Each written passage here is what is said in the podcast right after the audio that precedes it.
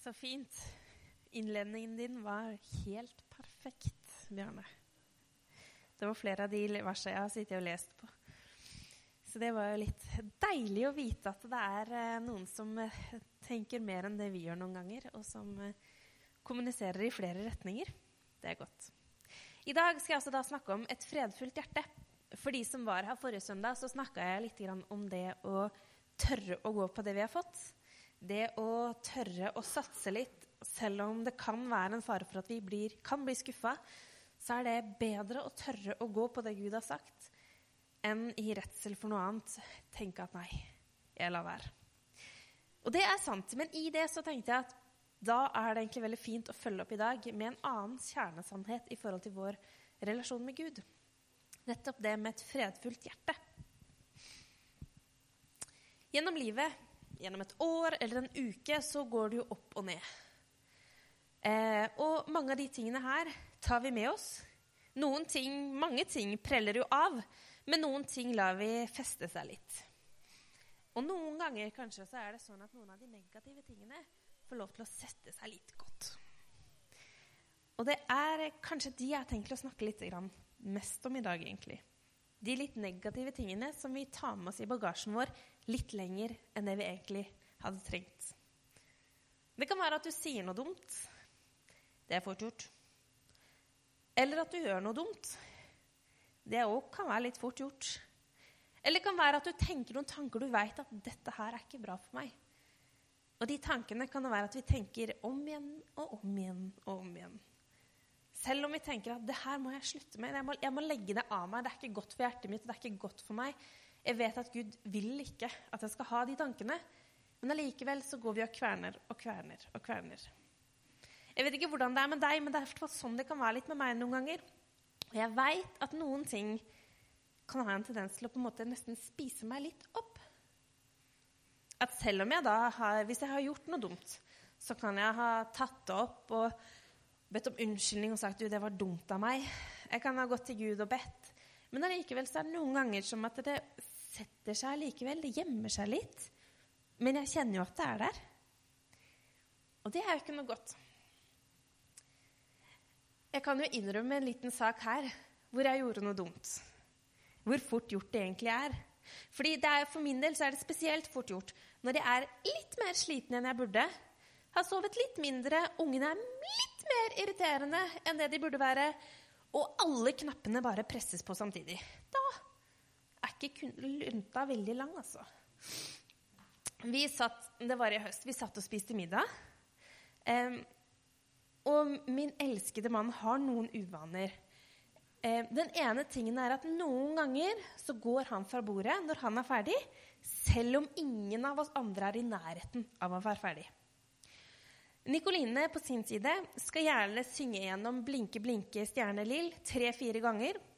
Hun skal gjerne snakke om at det er mørkt ute av månen, milde måne, sier hun. Og skal gjerne snakke om middagen før du i det hele tatt har spist en eneste bit. Da kan du tenke deg det tar tid. Det er ikke gjort på ti minutter, for å si det sånn. Nei. Vi spiser, og vi snakker om maten. Ja, kanskje du skal smake på den? Ja, den kan du smake på. Og så skal vi synge to ganger til. Ja, kanskje du skal smake på den nå? Så det tar tid. Så jeg skjønner jo at han vil forlate bordet. Men det vil jo jeg òg. Men det kan jeg jo ikke. For vi sitter jo der, ikke sant? Vi må jo dele fellesskapet, tenker jeg. Og dette her var da en gang i høst hvor da kjente jeg at da hadde mine knapper blitt pusha på hele dagen. Hele dagen i ett kjør. Så min lunte var nesten ikke til stede. Og min gode mann reiser seg opp. Han er forsynt. Går bort til oppvaskmaskinen. Det er jo fint, da, men setter inn i oppvaskmaskinen, og da Da er det nok. Da ber jeg min mann pent sette seg ned igjen, og jeg blir sint. Jeg blir meget erg. Men det verste, dere, og dette er faktisk litt trist For det, det jeg klarer å lire ut av meg da, det er noe som har plaga meg litt. For det jeg lirer ut av meg i denne stemningen her, det er Jeg håper ikke ungene mine blir som deg. Tenk å si det. Til denne ene mannen som jeg valgte av fler, valgte jeg han å dele livet mitt med fordi jeg syns han er så fantastisk. Og så vil jeg ikke at ungene mine skal bli som han. Det er et eller annet som skurrer.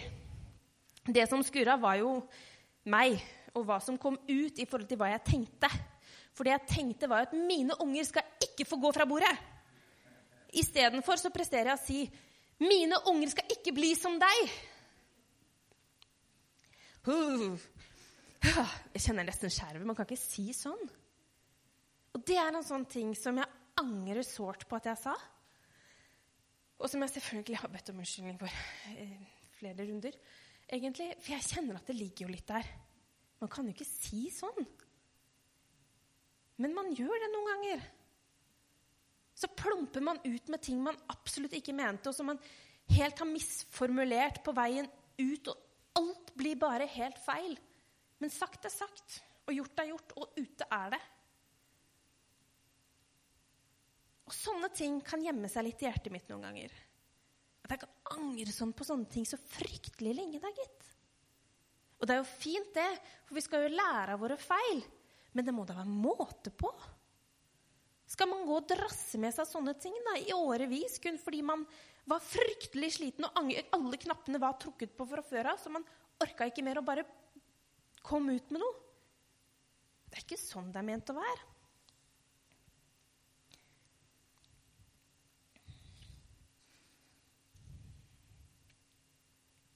Jeg vil at vi skal se litt på David sammen. Hva er det første dere tenker på når jeg sier David? Ja, Dere tenker kanskje på sønnen deres, da, men hvis vi snakker om David i, i Bibelen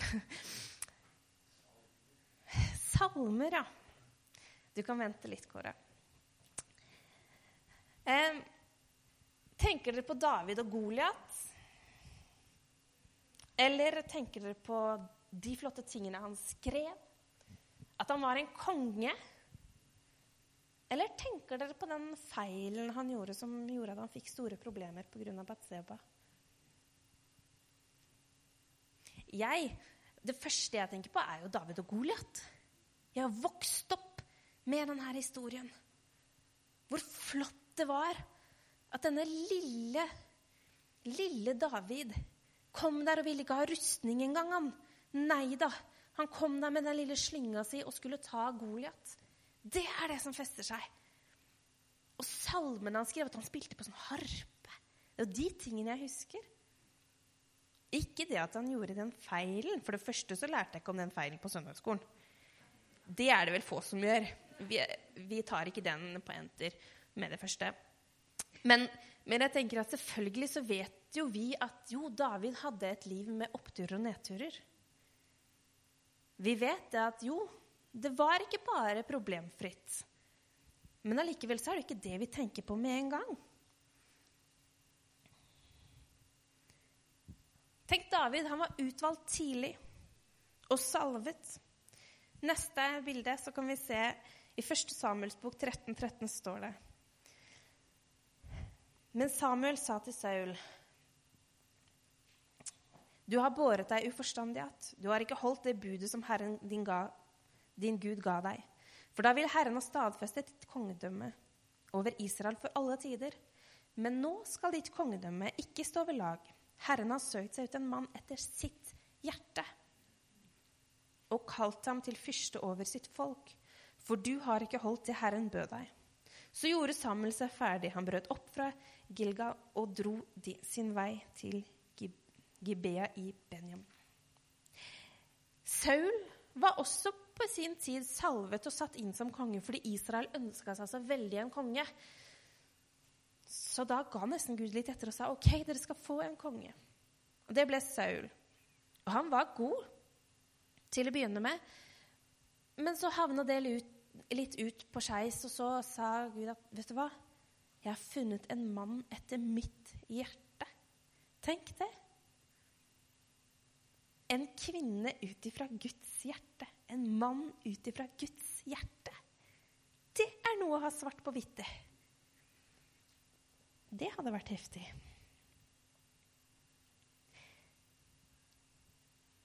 Men det vil ikke si at David var perfekt. Han også var et menneske. Og Gud så jo etter et menneske. Han så jo et menneske med gode sider og dårlige sider, men han så etter en mann etter sitt hjerte. Men veien for David til, den, til det stedet å bli konge, den var lang. Det tok lang tid for David. Det var prøvelser som skulle komme. Han var jo en gjetergutt til å starte med. Det var jo et ganske farlig yrke, kanskje ensomt yrke. Og det var kanskje noe av det som gjorde at David ble som han ble. Nettopp at han hadde hatt mye tid for seg selv, at han hadde den poetiske siden ved seg, kanskje. Men han passa da budskapen til faren sin lang, langt borte fra. Aleine.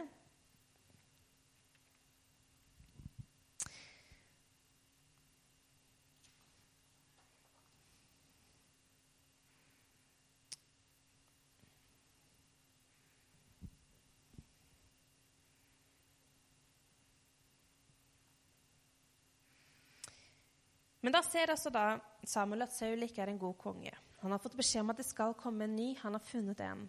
Og sender Samuel ut på let etter denne nye kongen, for han skal finne David. I 1. Samuel 16 så står det Da spurte Samuel, var dette alle guttene dine? Nei, svarte Isar. Det er enda en igjen.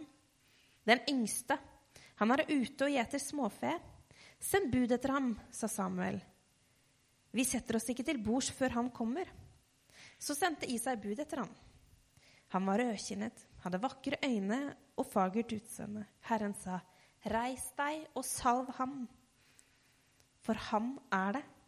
Da tok Samuel oljehornet og salvet ham der han sto blant brødrene sine. Fra den dagen kom Herrens ånd over David og var med ham. Så brøt Samuel opp og dro tilbake til Rama. Her starter da den lange reisen til David. Han skal da gå gjennom mye. Han skal også være lange tider ettersøkt av den kongen som var, av Saul. Og etter mange år i Guds ledelse og i hans tjeneste så går altså da David feil. Han ser Batseba, Urias kone. Han syns hun er vakker og tar seg til rette. Og så innser han jo at mm, hun ble med barn. Da har vi et større problem. Så da tråkker han jo egentlig mer feil. Fordi da får han jo da hennes mann drept. Setter han først i krigen på en litt sånn utspekulert måte, egentlig. Og fjerner det problemet.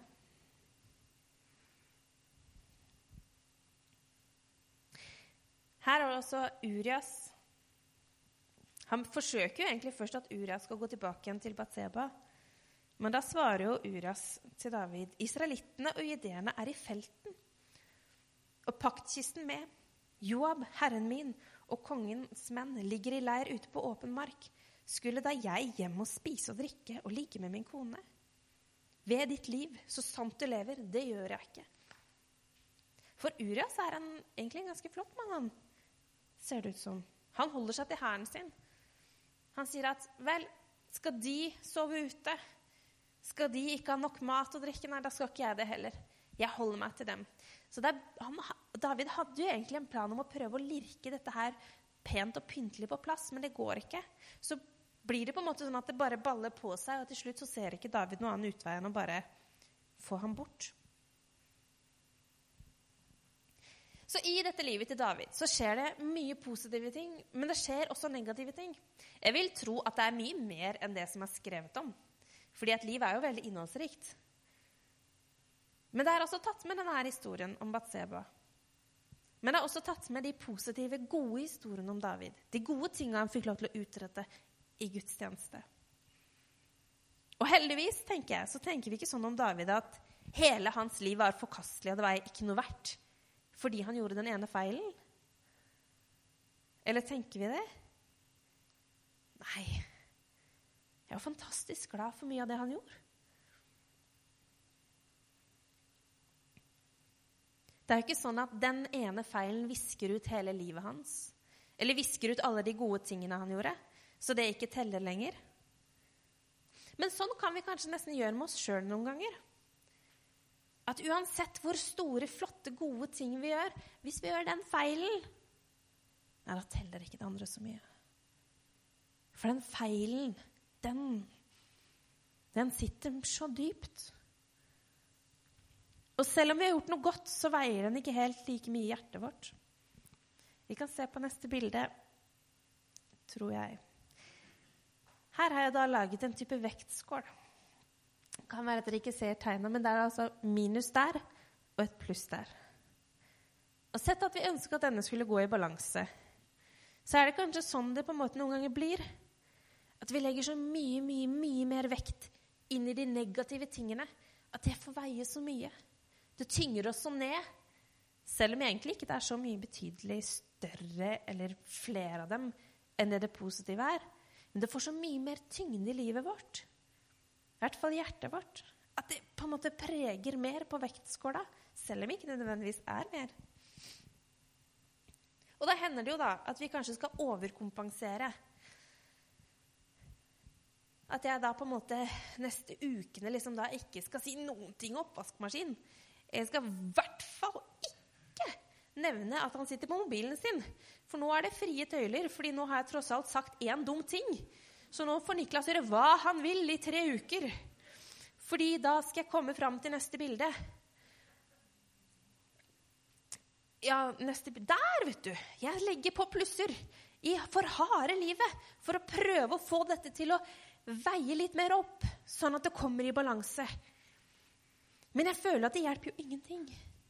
Uansett hvor mye pluss jeg gjør, så føler jeg at den minusen, den ene tingen, den drar ned alt. Så uansett hva jeg prøver å overkompensere og legge til, så endrer det liksom ikke stillinga i det hele tatt.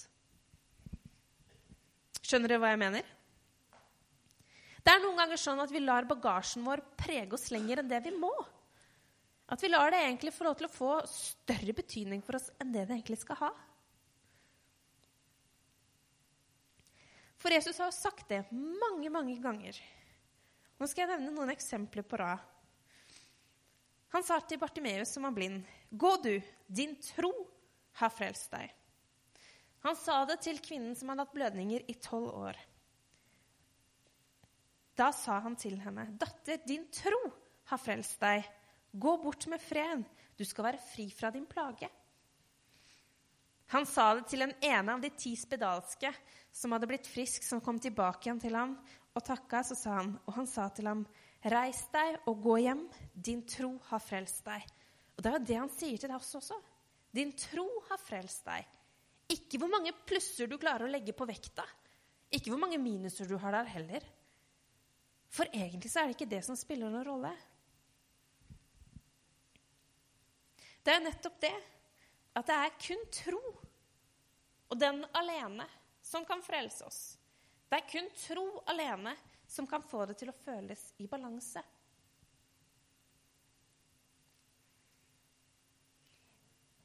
I Matteus 11 så står det Kom til meg, alle som strever og bærer tunge byrder.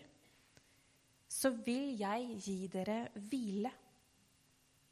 Ta mitt åk på dere og lær av meg, for jeg er tål tålsom og ydmyk av hjerte. Dere skal finne hvile for deres sjeler, for mitt åk er godt og min byrde lett. Det står jo ikke at 'kom til meg og få hvile, så skal jeg glemme alt'. Nei, det står 'kom til meg og lær av meg'. Det vil jo ikke si at vi skal glemme alle feilene våre, for det gjør vi ikke uansett. Men det står at vi skal komme til Han og finne hvile for vår sjel. Og at vi kan få lov til å lære av det, men at det ikke skal prege oss. Det er ikke det som skal sette kursen for resten av vårt liv. Det er ikke det som skal få lov til å si hvem du er og ikke er. For det er det kun han som skal få lov til å ha noe betydning på.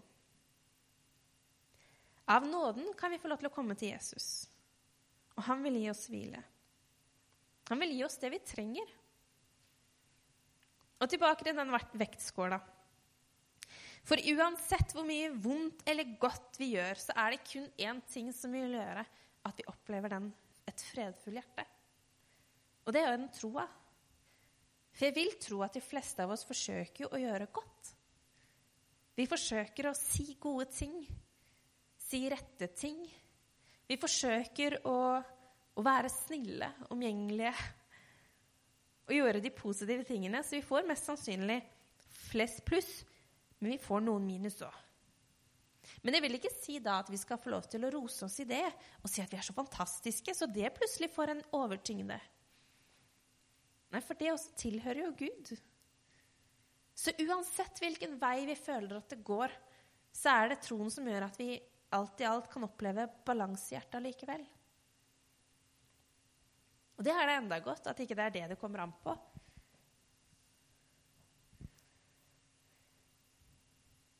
Jeg skal lese et litt lengre stykke. Det tåler vi når det er kveldsmøte, tenkte jeg. Jeg skal lese fra Lukas 7, 40. Det er ikke skrevet opp alt, men jeg har skrevet opp hvor det leses hen. Da tok Jesus til orde. Simon, sa han til fariseerne, jeg har noe å si deg. Si det, mester, svarte han. Jesus sa, to menn hadde gjeld hos en pengeutlåner. Den ene skyldte ham 500 denarer, den andre 50.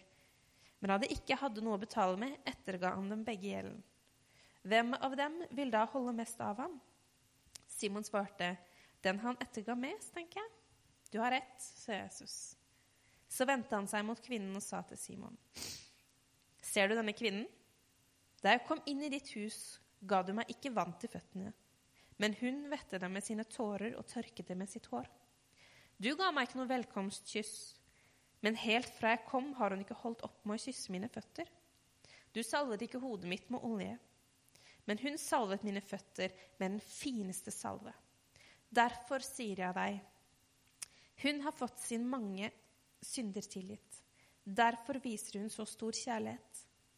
Men den som får lite tilgitt, elsker lite. Så sa han til kvinnen, dine synder er tilgitt. Da begynte de andre gjestene å spørre seg selv, hva er dette for en som til og med tilgir synder? Men Jesus sa til kvinnen, 'Din tro har frelst deg. Gå bort med fred.' Jesus kan tilgi våre synder, som den eneste som faktisk kan tilgi våre synder. Men han kan også fjerne de tingene som ikke nødvendigvis er vår feil, eller som vi har gjort noe med, men som vi allikevel kjenner at ligger der som oppleves som en negativ ting. Det kan være skam, skyld eller en dårlig følelse som egentlig ikke du helt klarer å begripe. De tingene også ligger i det Jesus gjorde på korset. For alt det har han tatt på seg. Og alt det har han gledelig tatt på seg for oss. Din tro har frelst deg. Gå bort med fred. Det er det vi skal få lov til å gjøre hver eneste dag. I vår tro i den troen vi har fått av Gud, så er vi frelst. Og i den skal vi få lov til å gå bort med fred.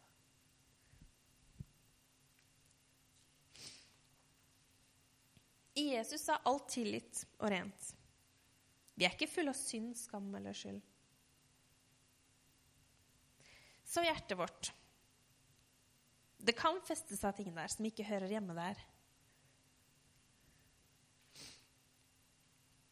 Som vi vet at vi egentlig har fått tilgivelse for, men som vi ikke klarer helt flytte ut av hjertet. Vi gjemmer dem litt og beholder dem der. Men det er ikke slik det er ment å være. Vi er ment å kunne få lov til å gå med rett rygg og med hevet hode og takke Gud for at han har tatt på seg alt, inklusive de tingene vi kanskje gjemmer litt i hjertet. De tingene skal han få lov til å ta. Vi tenker ikke kun på Batseba når vi tenker på David. Vi tenker på salmene han skrev, de nydelige, nydelige salmene. Vi tenker på kongen David, eller på slaget som han vant mot Goliat. Men hvorfor gjør vi ikke det samme i vårt eget liv? Og det samme gjør vi jo ofte med hverandre også. Vi teller jo ikke hverandres feil. At, vet du hva Jeg husker det. Det var vel i september. Så syns jeg han sa noe som ikke var helt riktig. Det er jo ikke det vi tenker på. Vi tenker jo godt om hverandre og ser de gode tingene i hverandre og løfter det fram. Men gjerne når vi tenker på oss sjøl, så er det så lett å se den minusen og la det få lov til å tynge på vektskåla. Da syns jeg vi skal være litt mer rause med oss sjøl. Ikke fordi at vi klarer å prestere det sjøl i vår egen kraft eller pga. gjerningene vi gjør, men nettopp fordi at i Han så får vi lov til å komme i balanse. Uavhengig av gode og negative sider. Uavhengig av gode eller negative gjerninger, tanker, ting vi sier. Uavhengig av det så kan vi få lov til å kjenne at Gud, hos deg får jeg hvile, og mitt hjerte har fred.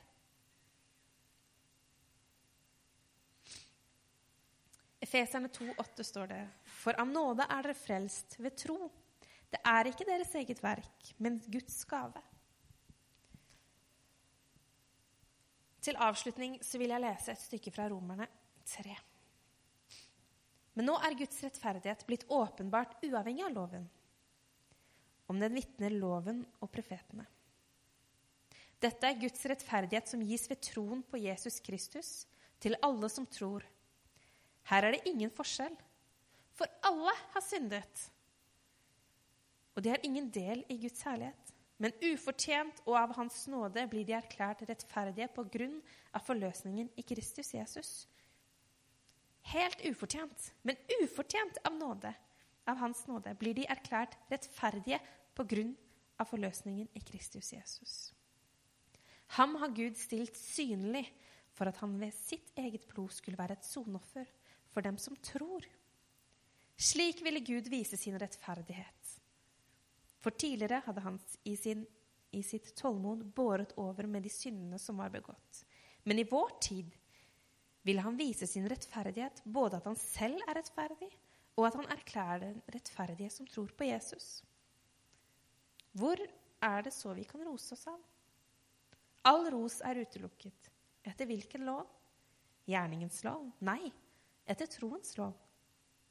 For vi mener at mennesker blir rettferdige for Gud ved tro uten lovgjerninger. Eller er Gud kanskje bare jødenes Gud? Er han ikke Gud også for de andre folk? Jo, også for dem, så sant som Gud er én, og han vil rettferdiggjøre de omskårne på grunn av tro og de uomskårne ved tro. Opphever vi også loven ved troen? Slett ikke. Vi stadfester loven. Vi er rettferdiggjort i ham. Uavhengig av gjerninger, tanker. Uavhengig av hva vi har latt få lov til å feste seg i hjertet vårt og ikke så kan vi få lov til gang etter gang, hver dag, har vi muligheten til å komme framfor Han og si, Gud, gi meg et fredfullt hjerte. Ta de tingene som er tungt, Gud, og la meg lære av deg. Ikke la det feste seg, de tingene i hjertet mitt, Gud. Hjelp meg å komme til deg. For vi i oss sjøl har så lest for å verdsette de feil tingene med oss sjøl. Og kanskje med andre, men spesielt med oss sjøl tror jeg vi er strenge. Vær raus med hjertet ditt. Gi det heller over til Jesus fremfor å skulle bære nag og feste ting i seg sjøl. Det bærer så lite godt med seg. Lag bagasje være lag bagasje, og la det stå igjen på perrongen. Reis uten. Ta med deg de gode tinga, men la det andre være igjen. For det har ikke noe godt med seg uansett. Så det er min bønn for oss, at vi skal få lov til å oppleve et fredfullt hjerte i Gud. At vi skal få kjenne at vi kan gå med hevet hode og kjenne at hm, Gud, du gir meg hvile. I deg får jeg se hvem jeg er. I Jesu navn.